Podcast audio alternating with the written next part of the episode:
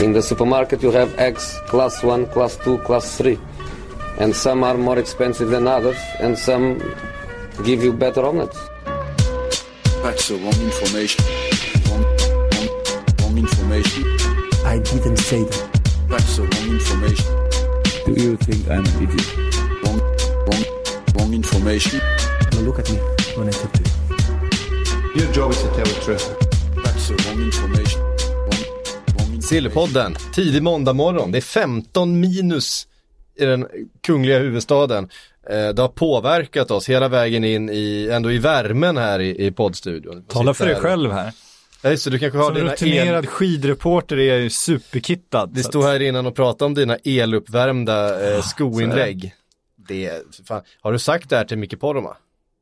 Nu blir det väldigt internt, Micke Poromaa är, är alltså nyhetschef här och är från Kiruna. Han har en tendens att håna alla som, fry, det, som fryser finns det är... någonting mer patetiskt än människor som flyttar från Norrland, nu har jag själv bott i Norrbotten i tre år i Piteå så jag har fan rätt att säga det här, flyttar från Norrland till Stockholm och sen sitter i Stockholm självgoda och häcklar stockholmare för att de inte tål kylan. Och liksom Mm. så här romantiserar kring sitt Kiruna, lägger upp de här jävla bilderna på den där flyttade jävla grusstaden. Men flytta tillbaks då! Ho, ho, 18 minus, nu fryser väl stockholmarna? Ja det gör vi. Ja det gör vi, det gör är vi. kallt! Det gör vi. Fy fan vad kallt det var. Ja. Ehm, Tottenham. Ja. De, eh, Och du säger det gnugg- ödesmättat de, lite de som. gnuggade fram en seger eh, igår eh, mot eh, usla Fulham. Eh, blev 2-1 i slutet och tre poäng. Det är helt uppenbart att Spurs ändå behöver en forward. Vart letar man då? Ja, Ja men du- kanske i West Ham. Därför att helgens roligaste rykte är ju den om att Andy Carroll som nu då är någon slags skadefri. Jag tror aldrig han är riktigt skadefri. Han ska ändå inte springa så jag ser inte problemet riktigt. Nej precis, skadefri kan man nog inte säga att han är skade...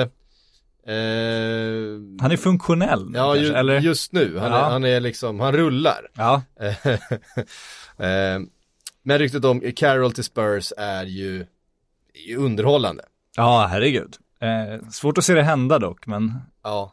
Men eh, det finns ju fortfarande en fotbollsspelare i Andy Carroll när han väl eh, spelar fotboll. Så är han fotbollsspelare. Men Så han spelar ju. ju så väldigt lite fotboll. ja, och sen är frågan, ska, han är ju inte riktigt en rak ersättare till Harry Kane om man tittar spelstidsmässigt. Ganska långt Ska, ifrån. ja, ska Tottenham börja skicka långt nu och eh, ha Andy Carroll som en bollmottagare där och spela därifrån? Jag vet inte om det, det är medicinen, men ja, men underhållande, det är det. Ja. Eh, det har ju då varit snack, även om vi stannar lite vid West Ham, att Arnautovic, eh, han vill ju väldigt gärna iväg till det där eh, lukrativa eh, Guangzhou Evergrande-kontraktet, visst var det dem? Eh, det, det gissar vi på. Kina ja, var det i det alla kom väl fall. fram vilka, det var väl ett par klubbar, men, Ja. men eh, eh, West Ham vill ha 50 miljoner eh, pund då för, för Arnaut, Arnautovic. Det ska man då komma ihåg att eh, för utländska spelare i Kina så har de en hundraprocentig eh, skatt för, för transferfärg, så det skulle bli då 100 miljoner pund som den kinesiska klubben skulle behöva betala för, eh, för eh, Arnautovic. Varav då 50 miljoner pund går, till, går i skatt och 50 miljoner till West Ham. De här nya reglerna är ju, är ju, har ju ändå bromsat. Det har ju fått förväntad effekt. Ja det har det ju fått, sen gör de ju fortfarande som det här eh, budgetbudet till Djurgården, alltså de gör ju fortfarande saker med sina pengar som man tycker är helt uppåt väggarna. Ja, Och de betalar ju fortfarande sådana sinnessjuka överpriser och överlöner många gånger, vilket de måste göra för att locka spelare till Kina, absolut, men det, så mycket, alltså att de köper allsvenska spelare fortfarande, det, det förvånar mig ändå väldigt mycket.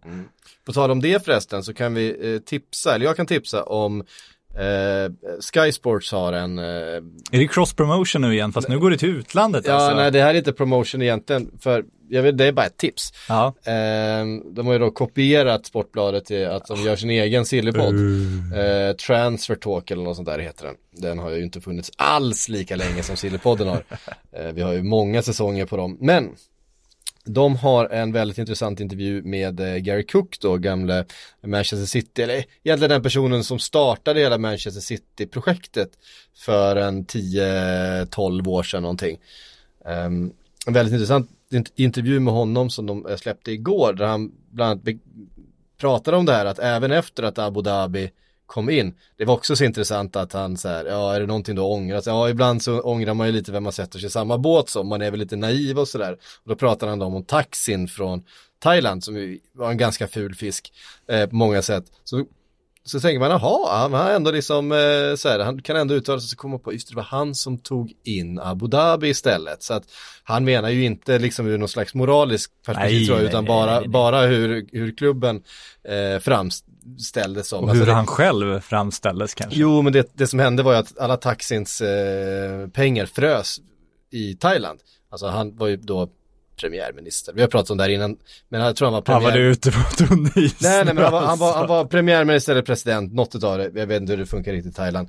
Eh, förskingrade en massa pengar, eh, fick gå i landsflykt, ägde då Manchester City, men han hade ju asmycket pengar på kontot, men alla de pengarna eh, frös inne när, under den här landsflykten. Så att Manchester, City var ju faktiskt eh, nära att gå i bankrutt däremellan. Sen kom då Abu Dhabi in som någon slags eh, räddande änglar. Eh, Oj. Mm. Ja.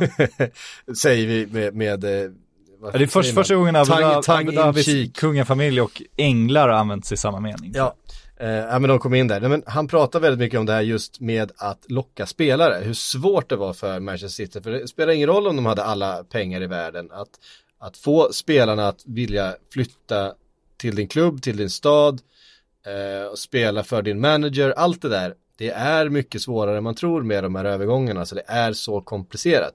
Och eh, Robinho-affären var liksom nyckeln. Eh, och det spelade väl kanske inte sådär jättestor roll hur framgångsrik han var eller hur framgångsrika City var under de här första åren. Eh, för det var det som var skillnaden också, att han kom in från businessvärlden. Han, visst, han hade ju varit i fotbollsbranschen tidigare, men jobbat med sportvarumärken och kom in från den sidan och sa att all planering handlade då var det ju Sven-Göran Eriksson som var tränare där när han kom in. All planering handlade liksom om hur man vann nästa match. Det var det allting handlade om. Inte om hur man vann matcher om fyra år. Det fanns ingen sån planering. Så där ändrade de ju och sen när Abu Dhabi kom in så var det ju var det 2008, 2009 någonting. Ehm, då hade, satte de alltså upp ett, ett mål för 2020. Var det de gjorde. Det var liksom eh, så de resonerade. Vilket ju Normal företagshantering. Ja, det är ju normal Ja. företagshantering för, en, för ett stort företag. Eh, men så var det ingen som gjorde innan. Men en, jätteintressant intervju och just det här att Robinho-affären öppnade för eh, andra affärer för att det, man såg att det gick att gå det, alltså det var en, en seriös spelare. Och då kunde de också hänvisa tillbaks till det kontraktet och att eh, de fick den här höga lönen och hur det hade funkat med liksom allting. Sen var de ju jättenära att signa Kaká eh, säsongen efter där. Eh, och han var faktiskt signad, han hade skrivit på kontrakt, kontrakt och så blev det inte så i alla fall. Eh, lyssna på den här intervjun, man lär sig ganska mycket om eh, hur det funkar i de där styrelserummen, även om han såklart inte berättar hela Han är sanningen. ganska mycket part i målet där också. Han är ganska mycket part i målet och han är ju en, en, eh, en slipad herre, eh, Gary Cook. Det får man när han eh, framstår som oerhört eh, skärpt. Eh, och det är han ju såklart, på alla sätt och vis.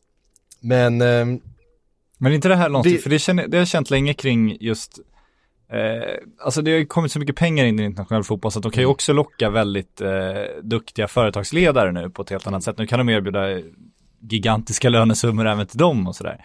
Och där har ju Sverige, när vi har vårt demokratiska system som vi älskar och som vi ska tala så varmt om vi bara kan på alla sätt.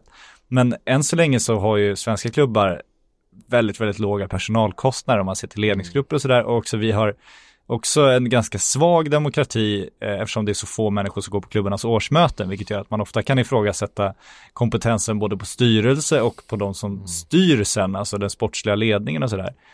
Eh, så jag, det finns en oroväckande utveckling där tycker jag, när, när världsfotbollen blir mer och mer professionell nu och mer och mer cynisk. Och den svenska känns som vi fortfarande ligger kvar väldigt mycket i en föreningsverksamhet, vilket ju är jättebra. Och det är ju så vi vill ha det, men det kan bli ett kompetensproblem i ledningarna ofta och det tas ibland lite märkliga ekonomiska beslut. Och vi ser också ofta svenska klubbar som kanske har ekonomi som är, ja, svajig minst sagt. Där det också uppenbarligen går att eventuellt förskingra pengar för att nå allsvenskan och göra sig till en hyllad och framgångsrik klubb. Ja, exakt. det bästa exemplet där på någon som ändå gjorde det och har lyckats, även om han inte är kvar nu, är ju Aler upp i eh, AIK som ju kom från en framgångsrik vd-position in till AIK eh, och tog med sig den kunskapen och den kompetensen in i den styrelsen. Sen är det lite, lite kaosigt ibland i, i AI, Ja, AIKs toppen sen var det ju ganska enkelt för, för de som vill åt ett annat håll och, och ta, ta greppet av den klubben ändå. Och sen så kom det ju en, en ny våg med de som tillsatte den nuvarande ledningen som känns som de kanske, ja i alla fall har mer, mer goda intentioner om man säger så. Sen, sen skulle jag vara otroligt intresserad av att se hur AIKs ekonomi ser ut och hur långsiktig den här satsningen är och hur beroende den är av att eh, det råkar gå bra eh, i lottningen till Champions League och så vidare. Det vore intressant att se. Tror de har ett eh, 2030 vision? Det tror jag inte och jag tror inte att de har jättemycket Alexander Isak-pengar kvar heller om man säger så. Nej. Ehm, Några Kristoffer Olsson-kronor tack och lov.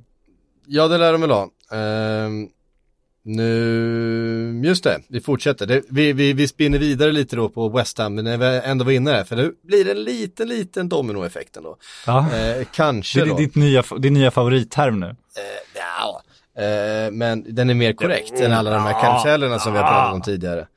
Eh, därför att West Ham är också intresserade av Maxi Gomes från Celta Vigo. Ja, det intresset ska då vara intakt även om det nu blir så att, eh, som det verkar, att Arnautovic stannar. För det var det som var snack, sagt att Maxi Gomes skulle komma in som en ersättare till Arnautovic. Kan det vara så att Carroll är på väg ut och att man känner att man behöver lite.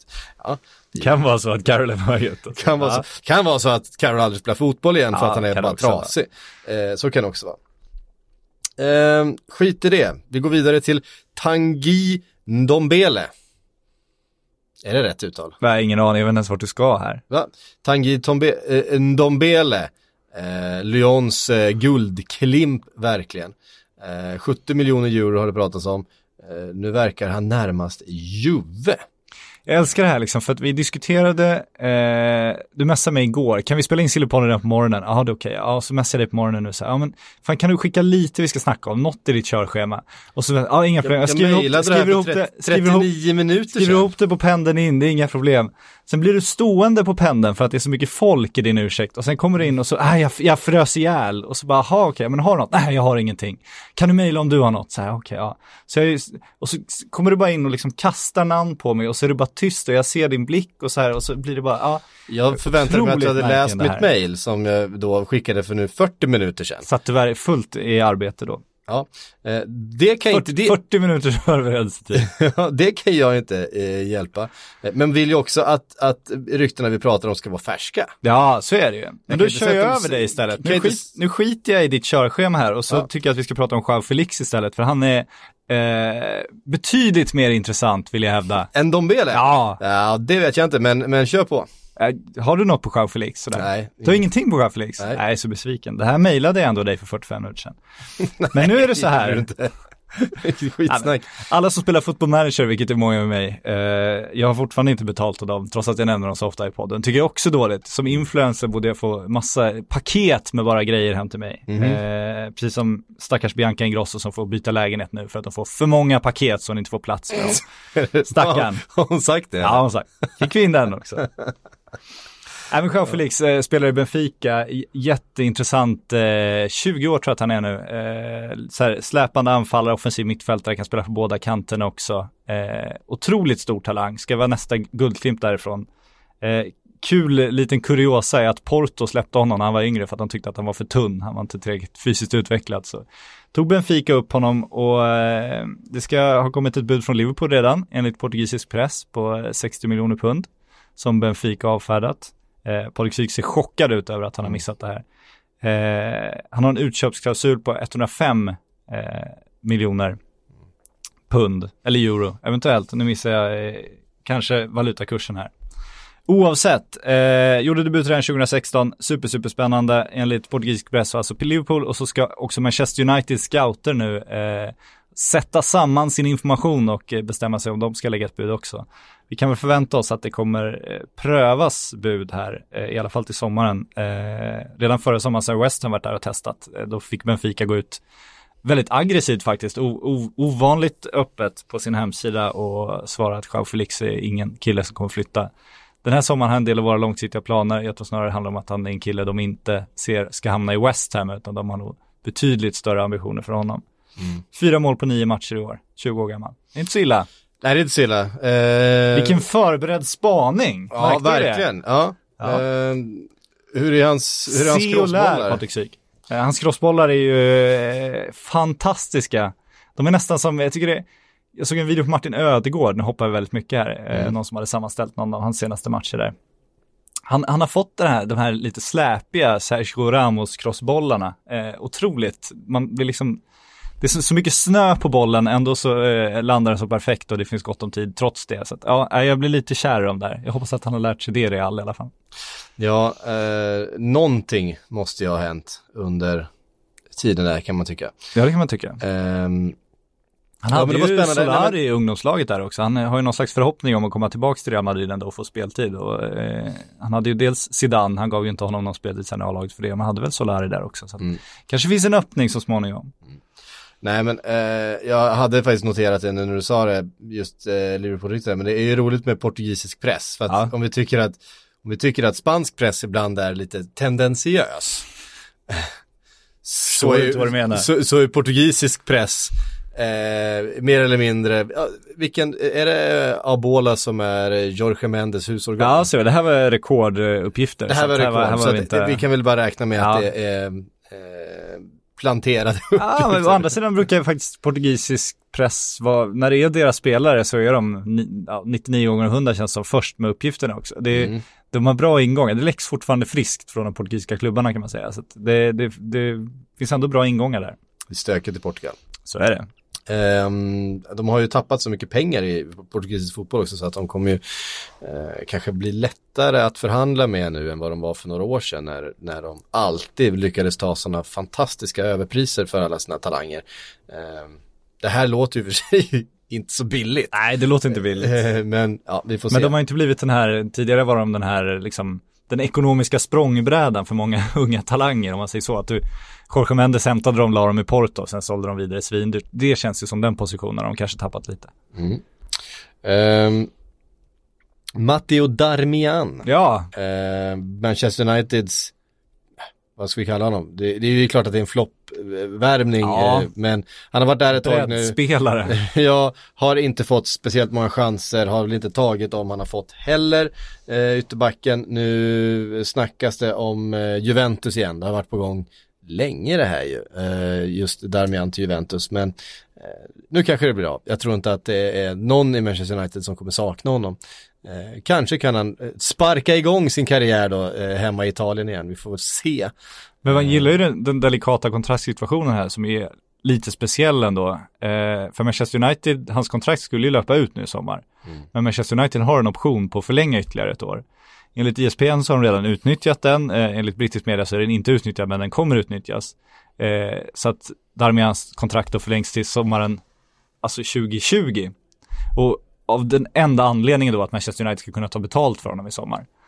Så känns... Det är väl en bra anledning? Jo, absolut, men det känns, det är ju, och det, det, de ska då få 80 miljoner kronor av Juventus, påstås det i brittisk media, jag vet inte, det känns som Juventus kanske, jag vet, jag tror det när jag ser det, men det, det är en ganska cynisk eh, affärsverksamhet trots allt. Det här är väl ytterligare ett bevis på den. Vi vill absolut inte ha dig kvar, vi gör allt för att bli av med dig, vi kan till och med tänka oss att låna ut dig i vår, för vi har ingen använd, användning av dig i truppen, men du ska veta att vi kommer förlänga ditt kontrakt så att du inte kan gå gratis sommar, utan vi ska fan ha betalt för dig. Ja, alltså, eh, det vore ju inte första gången som fotbollsbranschen var en cynisk eh, verksamhet. Eh, så att det förvånar mig inte ett dugg. Nej, det håller jag med om, men ja, det är väl ytterligare ett bevis på det. Men det är väl så här, någonstans har de väl betalat också för den där klausulen. Ja, absolut. Ja, ja, det är väl deras fulla rätt sådär. Eh, Men den här, den här gamla gentleman's agreement som man sysslat med någon gång i tiden, det, det är överblåst för länge sedan i alla fall. Ehm, Gattuso har uttalat sig om Higuain. Ja. Han säger att han, eh, I'm not disappointed that he's eh, chosen to leave AC Milan. Eh, nej, alltså de vill nog bara bli av med honom. Han så ville väl att han skulle bara flytta in hos honom så att han kunde ha koll på honom 24 timmar om dygnet också. går. Ja. Nej, men det, han är ju, och eh, Batshuayi ska ju vara i Monaco nu för läkarundersökning. Eh, enligt holländsk press tror jag att det var till och med. Eh, så att, ja, det börjar ju röra på sig den där dominoaffären som vi numera kallar den för tiden. Ja, precis. Ja. ja men alltså någonstans så måste ju cirkeln slutas om det ska bli en karusell. Ja, jag, jag köper din karusell här. Ja, ja. ja din, Bra. absolut. Bra. Men det gör ont i mig när du får rätt. Ja, vet du vem som, vem som har lite jobbet och som eventuellt skulle kunna dra igång en domino eller karusell? Det är Isco Ja. i Real Madrid som eh, har det tufft just nu under, ja, hela Real Madrid har det ganska tufft. Eh, Isco förstås en eh, spelare som eh, väldigt gärna vill fortfarande spela i Real Madrid. Eh, jag tror inte att han ser sin framtid, liksom att han längtar bort på det sättet. Däremot så längtar han ju efter att få spela fotboll eh, och få bli den här Eh, stjärnan som han skulle bli när han hämtades då. Eh, han eh, är ju ändå i en sån ålder att han, han behöver ju liksom ta sitt sitt steg upp på den absoluta, absolut högsta toppen nu. Han närmar sig ju sin peak i karriären. Eh, ska skriva sina, sina bästa kontrakt och allt det här. Eh, Solari blir väl inte kvar så länge till, eh, kan vi gissa. Han eh, får väl den här säsongen ut eh, som mest. Kommer han vänta in nästa tränare tror du eller eh, kommer han börja se sig om redan nu för att eventuellt lämna i sommar? Ja, det blir ju intressant när det är en så kortsiktig tränarlösning, för han är ju inte i Solaris planer, det är ju ganska uppenbart. Lagkamraterna säger att han, han tränar på bra och han liksom, de ser inget sånt, eh, det finns liksom ingen sån djup djupliggande konflikt om man ska tro de uppgifterna. Nej, han vill ju inte bråka sig bort. Nej, precis. Jag tror han- jag tror också att han vill invänta och det man kan tänka sig är någon slags lånelösning att du ska komma tillbaka sen. Men, men om man tittar på hur det brukar fungera när det är den typen av lite äldre spelare så blir det sällan, liksom, James Rodriguez hade väl kanske någon slags sån ambition i Bayern München trots allt. Eh, och det ser väl inte ut som han kommer göra en match i Real Madrid igen. Så om, om Isco har som ambition att spela för Real Madrid, då borde han nog stanna och bara vänta ut det här. Och det tror jag han kommer göra också. Det känns så. Och han har väl goda skäl till att tro att han ska spela för Real Madrid igen, för han blev ju väldigt viktig under Zidane, när han verkligen fick förtroendet. Och om vi tittar på Real Madrid idag så är det inte så att det, det, konkurrensen, om man vill ha hans speltyp, det är ju inte så att han är sämre än sina, sina lagkamrater då, utan det handlar ju snarare om vilken typ av spelare du vill ha på planen. Så att eh, jag tror att han stannar och det känns som det bästa vore att stanna. Eh, det stora samtalsämnet annars i Real Madrid är ju vem som ska göra målen. Eh, för att det är lite oklart nu när... Finns ett annat samtalsämne också. Jaha. Marcellos eventuella övervikt eller inte. Ska vi få se en uppdragen tröja snart? Ja, man hoppas ju det. Ja, men det, är- det är de här lite halvslaskiga spanska tv-programmen, eh, utgår jag från att det var. Nu har jag inte dubbelkollat vad den här spanska källan, men jag känner inte igen den, så att jag utgår från att det är den typen av, av publikation som hävdar att han då, eh, har, ja, han möter inte sina viktmål längre.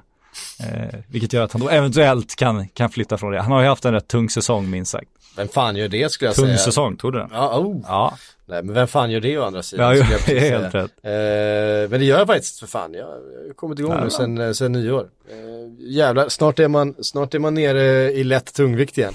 Eh, för er som eh, kan de där eh, viktskillnaderna. Men det är Eh, nej, svårt det där med, med vikt. Jag tycker man ska vara ganska tydlig i sin kommunikation då också för att det, det, det finns ju en problematik med ätstö- ätstörningar såklart och Mm. om det är den här typen av förebilder men man får ju vara tydlig då med att fotbollsspelares viktmål handlar ju inte om att de liksom ska, ska svälta sig eller så utan det handlar om att, vara i en matchfit form och de brukar vara ganska det, det finns en, ett bra spann där så länge du presterar på planen så brukar du kunna klara rätt bra. Eh, men intressant med professionaliteten där, jag vet inte vad jag, om det här, om det finns någon grund till det här överhuvudtaget. Det, det man sett i, om man kollar på eh, hos ligarivalen Barcelona så hade väl Osman Dembélé, det var väl inte viktproblemen på det sättet, men eh, han hade ju kostproblem i alla fall och sa sig att han spelade alldeles för mycket tv-spel och åt alldeles för mycket snabbmat, var liksom oprofessionell. Eh, sen fick de igång honom och då ska en av, en av anledningarna ha varit just det här. Såg Erik Hamréns succé i det svenska landslaget när han tog in en kostrådgivare istället för en, en, en psykologisk rådgivare om man ska balansera vad som är viktigast och så vidare. Eh, Jan Andersson valde den andra vägen. Det hände någonting då. Säger Ja, inte att det bara berodde på det på något sätt. Nej. Men det var spännande. Ja, nej men eh, vi minns ju alla den här förvandlingen kring John Joe, John Joe Shelby när han anlitade en, en eh, privat kock Ja. som bara skulle laga väldigt nyttig mat åt honom. Han gick, ner i, han gick ner i vikt. Han skulle i och för sig behöva en mental coach också. Jag tror att det inte, jag tror inte det är antingen eller i just det fallet. Han skulle behöva båda. Eh, men eh, det som AS skriver om eh, nu under helgen är då eh, Reals sån här lista på nödstrikers. De behöver ta in någon som bara kan göra mål under de här Kommer Andy Carroll upp här? å- återstående. Gör han det? Nej, han gör Ah! inte det. Han gör inte Ah! det. Eh, däremot ett par andra riktigt trötta namn. Ja. Eh, eller vad säger du om Radamel Falcao? Ja, den är fin är den. Eh, även Olivier Giroud finns med på den här eh, listan. Och så ska Carlos Vela till Barcelona. Jag gillar det här. Nej, men Eh, man saknar den här gamla goda tiden när man kunde köpa en Fernando Torres i januari. Eh, apropå Andy Carroll. ja, precis. Men då, då gick det ju ändå att genomföra den typen av affärer även om det blev väldigt höga priser. Men Mm. det går inte att köpa en etablerad skyttekung nu. Alltså kolla Chelsea är ju desperat, desperat på och de lyckas ju Mm. faktiskt få Higuain. Eh, Men då är det också, han kan vi eventuellt snart sortera in i det här Radamel Falcao-facket om han inte får fart på det där igen. Så det är ju Mm. inte någon i, någon i sin prime om man säger så. Nej, precis. Och jag menar, eh, ja, alltså Real Madrid har väl en, har väl en långsiktig tanke, kan man tänka sig i alla fall, kring hur de ska eh, ta sig tillbaks eh, i vinna, in, till vinnande form igen, vilka spelartyper de har identifierat och vilka talanger som ska förädlas och, och alla de där sakerna. Men eh, någonstans för en sån klubb går man bort sig eh, prestationsmässigt kortsiktigt så får det så oerhört stora konsekvenser. Jag menar, tittar du, jag menar, vi nämnde Manchester City tidigare när de drar igång en, eh, en satsning och de kan vara långsiktiga, det spelar inte så stor roll hur eh, resultaten ser ut i eh, två år framöver. Eller hur bra Robinho liksom levererar när han väl kommer för det finns liksom andra signaler. Men Real Madrid kan ju inte göra, Real Madrid måste ju alltid leverera dessutom. Så är det ju. Eh, Det är ju deras utmaning. För att hur mycket supportrar som helst, hur mycket pengar som helst, massor med liksom sponsorer och investerare eh, och allting och liksom världens största fotbollsklubb. Det är liksom Det är Det- Manchester United brukar man säga. Men. eh, ja, jo, alltså det, det beror ju lite på hur man räknar. Så dum tävling det där. Ja, det är en dum tävling. Ja. Eh, Men det, men... det kommer en utmaning för Real Madrid. Jag såg ekonomiska siffror senast idag eh, med ganska vilda spekulationer. Men eh, de har de senaste åren minskat sin skuldbörda ganska betydligt för att de har lyckats gå med vinst och sådär. Och dragit ner den och har nu ett högre eget kapital än, än skuld i alla fall. Eh, och det ska man inte stirra för mycket på för ibland så är det bra att vara skuldsatt också. Men det kommer en utmaning för att de ska ju bygga om sin arena. Eh, och den här publikationen skrev om det här, eh, fanns om, liksom en ganska, ganska hårdragen oro att det skulle bli ett nytt Arsenal, att de skulle liksom tvingas dra ner på utgifterna nu så mycket för att de ska ha råd med sin arena och kommer belåna sig ganska rejält då igen. Och hur mycket pengar det då finns över till den ekonomiska satsningen under de här åren, den sportsliga satsningen då.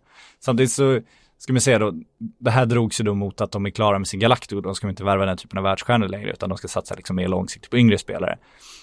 Men det är inte så att liksom Vinicius Junior och Rodrigo varit några liksom 30 miljoner kronors fynd någonstans i någon håla i Sydamerika utan de har ju varit liksom svindyra talangköp. Så att det finns ju uppenbarligen ekonomiskt kapital att satsa fortfarande. Det kanske bara Det att Real ja. behöver, behöver ha utväxling på dem under flera år. De eh, lättade ju lite i lönebudgeten när eh, Cristiano Gjorde de försvann också. Så att det ska finnas, sen ska väl eh, fler bort gissar man eh, eventuellt får vi se hur länge en Luka Modric är kvar och, Ja, eh, Men- och sådär men i också- den här generationsväxlingen. Precis, men det man sett de senaste åren, alltså, det är också det här, det bästa sättet att spara pengar är att tjäna pengar trots allt. Och skapa stora intäkter och det har de gjort tack vare att de har haft sådana otroliga framgångar på planen. Den här Champions League eh, rakan de dragit upp liksom. Så att ja, vi, de, de går en intressant balansgång till mötes och det är en väldigt intressant strategi de lagt upp. Det är ju trots allt liksom ja, den största klubben får man väl ändå säga, eh, om man ser till de senaste åren, i alla fall framgångsmässigt, att de nu vänder så plötsligt och eh, tänker om så, så drastiskt. Det är ju, blir fascinerande, det ska bli väldigt intressant att följa. Vi har fått eh, som vanligt då väldigt mycket frågor. Vi försöker bara beta av dem en i taget. Eh, VGS skriver status på Monaco 5-1 i helgen. Är det för sent nu att rädda skeppet? Vad tror ni? Åker de ut? Eh, alltså de har ju investerat för att inte åka ut så kan vi väl säga. Eh, inte minst till Fabregas som ska komma in och med all sin jag menar all sin rutin och sin kunskap och få ordning på alla de här juniorerna i, i eh, laget. Eh, Thierry Henry var en inte helt lyckad eh, utnämning så här långt. Det är konstigt när du tar en liksom helt orutinerad kille att han inte bara går in i den mest pressade situationen och, och presterar. Det, det får ju ändå förvåna en, Mm. får man ju säga. Han hade ingen bra helg. Nej, nej. Eh, kan man inte säga. Han har också haft ganska så här hög svansföring eh, i det här jobbet och till, kring det här projektet också, vilket har bitit honom. Det är många, det finns, belackarna eh, är många där ute kring eh, eh, Thierry Henry. Och, och, Men det är många som står med knivarna slipade om man säger Ja, så. precis. Så det det. är, och de, de, de får ju rätt för varje match. Jag menar, eh, 5-1 mot, vilka var det nu? Strasbourg vill ja, jag säga. Stras, Men... Strasbourg var det nog ja. Alltså det, det är ju inte tillräckligt bra. Nej det är det inte, men det blir också spännande att se liksom vilken typ av avtal, eh, det kommer Batshuayi eventuellt in, han kommer väl in på ett lån får man väl kanske gissa, även om det pratas om att det finns eh, en, Mm. en, en köpsumma. Eh, ja, man, hop- man hoppas att det är ett lån i alla fall. Ja. Eh, men sen vad sitter Fabregas på för avtal? Vad sitter Henry på för avtal? Vad händer om de åker ur? Vill Fabregas spela andra ligan? Har han möjlighet att bryta sitt en kontrakt? Har de möjlighet att betala hans lön? Hur är den ekonomiska situationen uppbyggd? Det är inte så att de kommer liksom, de, deras klubb bärs ju inte upp av deras publikintäkter om man ska säga så. Eh, hur viktigt är liksom pengarna för ligan för dem? Vad, vad finns det balanserat där? Vad tjänar Henry? Det, det finns så mycket frågor där som man undrar verkligen hur det där hur tryggt det där skeppet ligger där, den där jotten. Mm. Eh, och hur intresserad vår kära gödselägare är om det skulle börja gå ut för nu. Mm. Ehm, jag tror fan att de kan ryka alltså. Ja, det tror jag också. Mm. Ja, men man ser ju någonstans, eh, nu ska man inte översälja den här Sunderland till I die dokumentären, men, men den är väl det senaste exemplet på att det är så otroligt mycket psykologi i fotbollen. Mm. Precis som det handlar om kostvanor så handlar det också väldigt mycket om psykologi i den fotbollen. Och när man väl är inne i det där så är det ju, det är ju fruktansvärt svårt att bryta det. Det blir ju liksom, varje spelare vet att så fort du åker till en match så åker du helt plötsligt dit med ångest istället för med, liksom, med glädje. Och du, den där pressen ligger ju på axlarna så otroligt tungt så du, du blir ju en helt annan person och bara ta sig ur det psykologiska för att kunna spela fotboll. För fotboll handlar ju så mycket om instinkt och snabba beslut och självförtroende och se möjligheter. Och du, när du hamnar i den onda cirkeln så är det ju otroligt svårt att bryta. Men det är skönt att de har då den rutinerade ledarfiguren Thierry Henry som med all sin rutin kan komma in och veta hur det fungerar i en sån här situation. Det känns tryggt för dem tycker jag. Ja, verkligen. Filip Svedin eh, skriver, vad hände med Frankie? Frankie de Konstigt, Jong. det, händer, det händer ingenting eh, nu i januari. Nej det gör det ju inte. Eh, däremot så ska ju vägen för honom krattas nu under, under januari. Jag tror att beslut ska nog fattas rätt snart om vad som händer i sommar. Ja, och avtal borde nog skrivas på för Ajax del också tror jag. Ja, det känns som att han kommer vara ett av de där namnen som vi redan i liksom maj, juni ehm, Om inte tidigare. presenteras för en, eh, en klubb, ja kanske ännu tidigare Ja. till och med. Um, men vad händer? Alltså, Barca har ju på något sätt räknat in honom, men det verkar ju som att de har gjort det lite för tidigt. Uh, för eh, uh, PSG känns nästan närmast om man ska tro vad, vad man läser, det ska man ju inte alltid göra, men, men det har liksom svängt från att han skulle till, först till Manchester City, eh, aha, och så var det PSG som kändes nästan klara. Sen seglade Barca in, eh, men sen skulle Barca ha Rabiot och helt plötsligt så fanns det en, en, en plats på mittfältet i PSG som eh, de Jong kunde liksom slussas in på. Eh, och så lät det som PSG var, var, var klubben igen. Sen har det ju också pratats om Bayern München. Eh, så att eh, ja, vi får väl bara se helt enkelt. Men vi kan väl säga om Barca, PSG och City där kommer ju Bayern München inte ta honom. Då ska han ha en extrem vilja att spela Bayern München och det tror jag inte han har. nej, för de, kan, de kommer inte betala Nej. lika hög lön eller samma transferavgift. Nej, och ska man gå på holländsk, eh, holländare så borde ju Barca vara liksom the destination om man säger så. Eh, men om PSG betalar så betalar PSG och då köper de nog bort Barca. Eh, kan man väl gissa. Eh, spännande PSG nu också, kom uppgift senast idag att Thomas Tuchel är, är besvärad över mittfältssituationen. Marco Verratti ska, skadar sig ju i den här tuffa 9-1-segern blev det väl. eh, eller 9-0, ja. eh, i helgen. Eh, det ska bara vara någon stukning, det verkar inte vara allt för allvarligt. Men han har ju ganska tunn mittfältsuppsättning eh, nu eftersom Rabiot in, inte får spela eftersom PSG-ledningen är så besvikna på honom att han inte förlängt sitt kontrakt. Så han ska nu gå upp till PSG-ledningen Tuchel och kräva att få spela Rabiot eh, under våren påstås det. Det är en maktkamp man vill se om inte annat. Mm. Eh, Gustav Holmberg eh, skriver, hur ska Pochettino och Spurs lösa skadekrisen? Eh, Andy vi, Carroll. Vi var ju inne på Andy Carroll tidigare. Det är inte bara eh, längst fram som det krisar, det är ju även centralt på, på planen. Eh, gjorde ju Harry Winks mål för fan. så Eller att, hur? eh, Han är ju, Borde behållit Dembélé också. han är ju kung. Men eh, Winksy, eller vad fan kallar de honom för? Det ja, Harry. Kane, Harry Kane skrev på, på Twitter. Ja, det gjorde ont i mig. Winksy. Winksy. Men de, sådär håller de ju alltid på. Ja, Det finns ju ingen som... eh, men det låter som någon liten så här Porsche brittisk eh, privatskoleunge kostym. Mm. Winksy. Li- Winksy. Ja. Eh, det kommer ju på något sätt få bli eh, någon slags nödlösning. Eh, jag gissar att Pochettino har eh, en kravbild. Det är ju samtidigt så här att för vem som än är som ska komma in och som ska spela där, så fort Harry Kane är spelklar, då sitter du på bänken. Så att det handlar om att kanske komma in och lösa en 6-7 matcher eller något sånt där. Det, det är liksom inte mycket. Och så att vem, ofta- vem hittar du som är tillräckligt bra, som är sugen på, på den rollen, den uppgiften, det, den utmaningen just nu? Och som, som är, är så rutinerad och så van att han kan komma in i den rollen så snabbt att han presterar bättre än vad dina befintliga alternativ gör. Även om du inte, du kan ju alltid kasta upp en mittfältare där. Alltså det, det går ju att göra den typen av lösningar med en kille som redan finns i klubben och som är inne i allt. Och ofta fungerar ju det bättre än att försöka värva någon, någon spelare som ska kliva rakt in i Premier League.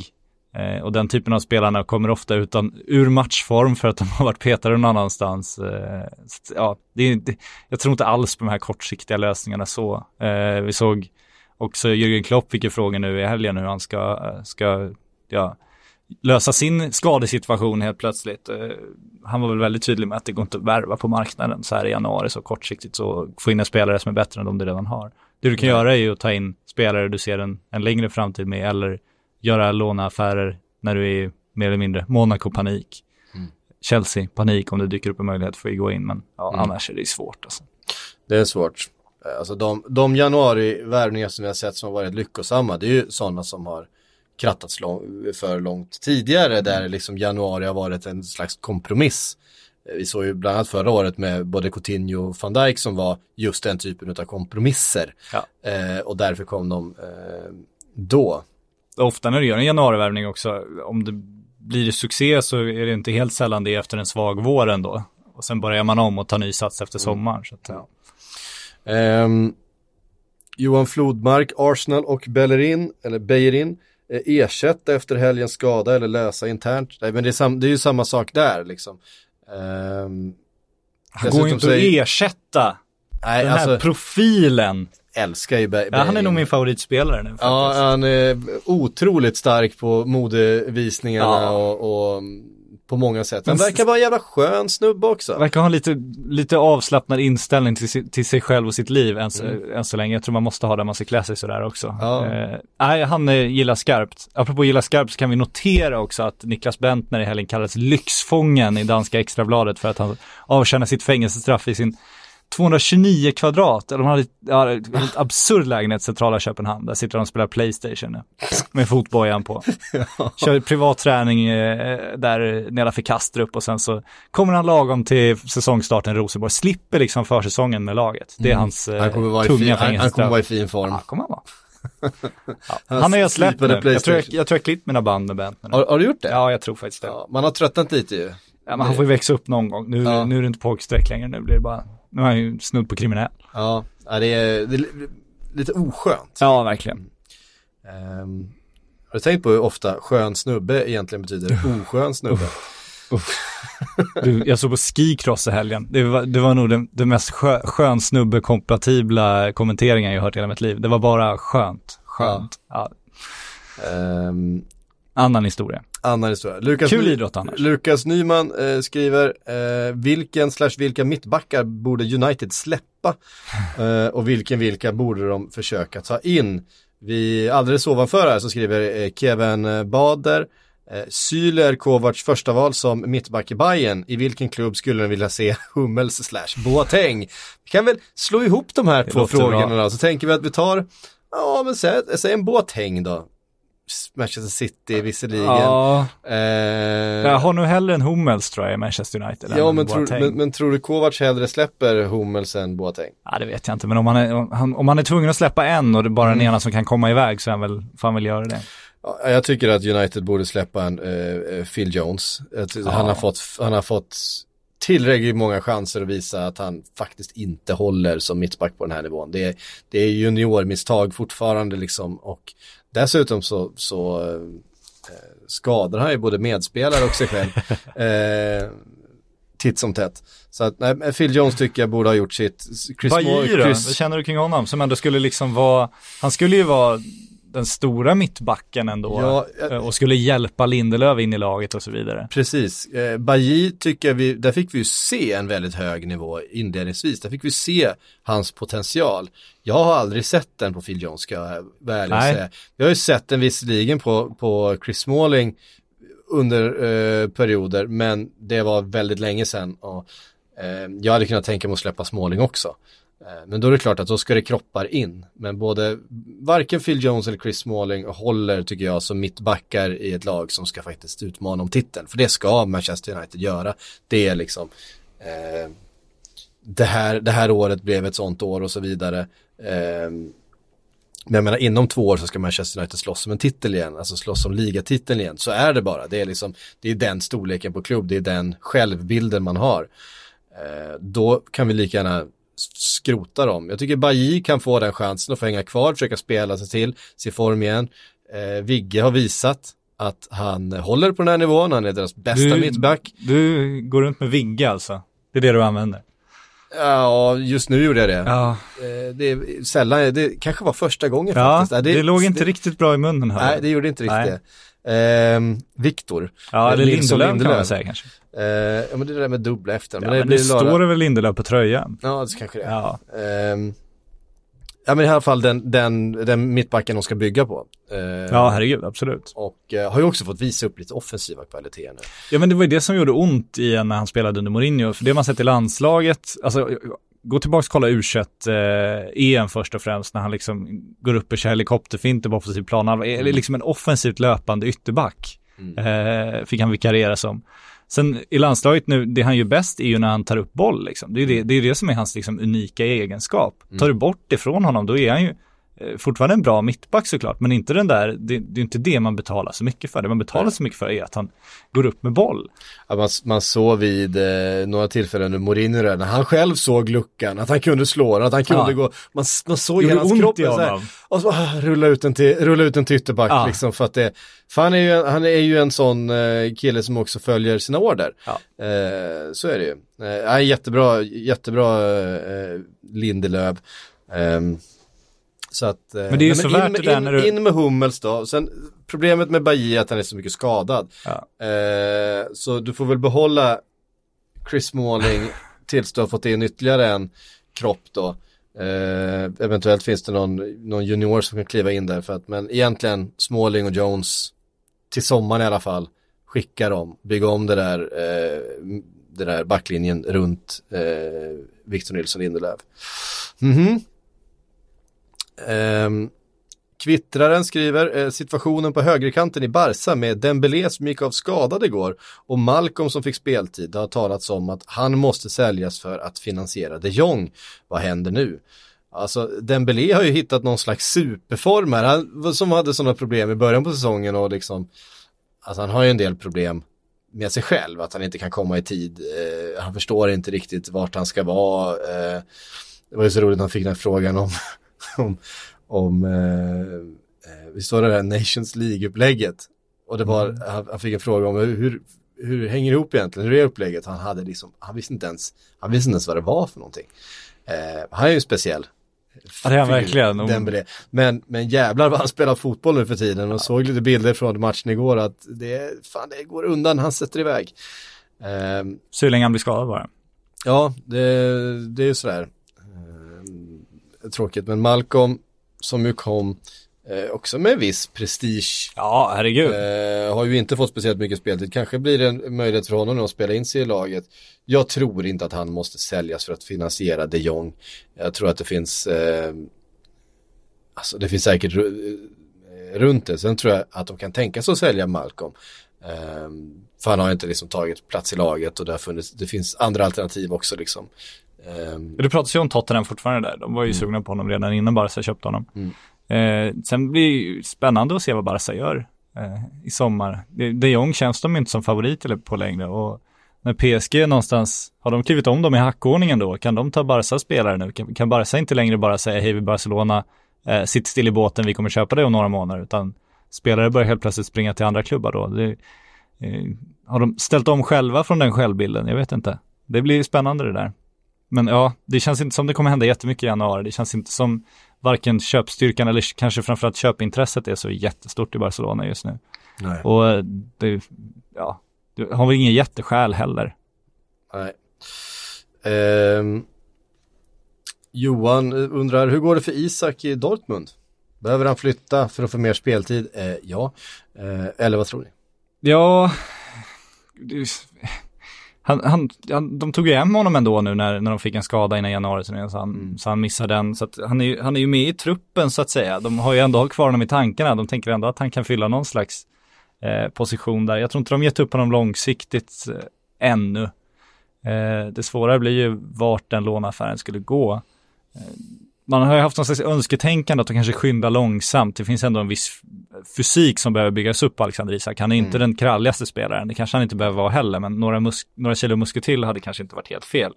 Att man kanske hade tänkt att det är det de har gjort under den här tiden, men man har inte riktigt fått de signalerna heller. Eh, så ja, han behöver väl få speltid, han behöver lånas ut. Eh, men vart då? Han känns för bra för att komma hem till allsvenskan och, och liksom matchas igång på det sättet. Eh, Men då ska du hitta någon mellansteg. Ska han åka till Holland där de liksom, det känns inte alls som man får den typen av fotbollsutbildning där längre som man kunde få förut. Nu känns det som det bara är full fart framåt och han kan väl göra en Guidetti-säsong där och spotta in massa mål marknadsvärde kanske, men vore det det bästa för hans utveckling? Ska han lånas ut till Schweiz kanske eh, och spela i en klubb där? Det kanske hade varit en idé. Jag vet inte. Det känns väldigt knepigt. Eh, Dortmund har nog en plan. Jo, det Får- vi, får hoppas. får vi hoppas. Ja. Nej, men... Och man ska inte räkna ut, det, är- det Det är börjar lätt bli- att göra sig rolig över Alexander Isak och att det är ett sånt praktfiasko, men han är ju fortfarande alldeles för ung för att man ska stämpla det som ett praktfiasko. Det är ju- var väl ingen som trodde att han skulle spela ordinarie A-lagsfotboll ännu. Man hade ju hoppats att han skulle göra inhopp i alla fall få speltid. Eller eventuellt bli utlånad till någon lämplig klubbadress. Men ja, eh, det finns fortfarande tid för honom, eh, om man ska uttrycka sig försiktigt. Ja. Jag minns fortfarande de som var besvikna över att han inte gick till Real Madrid. Ja, Ni ser. Så jävla lätt är det inte där ute. Eh, men det är som sagt, det... och det känns fortfarande som Dortmund ett bättre klubbval än vad Real Madrid hade gjort. Det Ja. ska jag säga. Alla herregud. dagar i veckan. Ja, ja. Eh, vet ni vad? Det fick bli Sillypodden den här måndagen. Eh, vi eh, är tillbaka i slutet på veckan igen med en eh, slags avrundning, summering då. Du börjar redan Eh, ikväll, fila på körschemat Jag jag. börjar redan ikväll. Ja, trevligt. det, det är ju det som är grejen med Sillypodden, det, det, det måste vara färskt. Ja, för, absolut, absolut. Men, Ja. Det, ja, men innan 40 minuter innan kanske man kan ha några namn. Tycker det är lagom. Ja, okej. Tycker det är lagom. Eh, bra. Vi eh, hörs eh, på fredag Ja, for 16 hej. credit when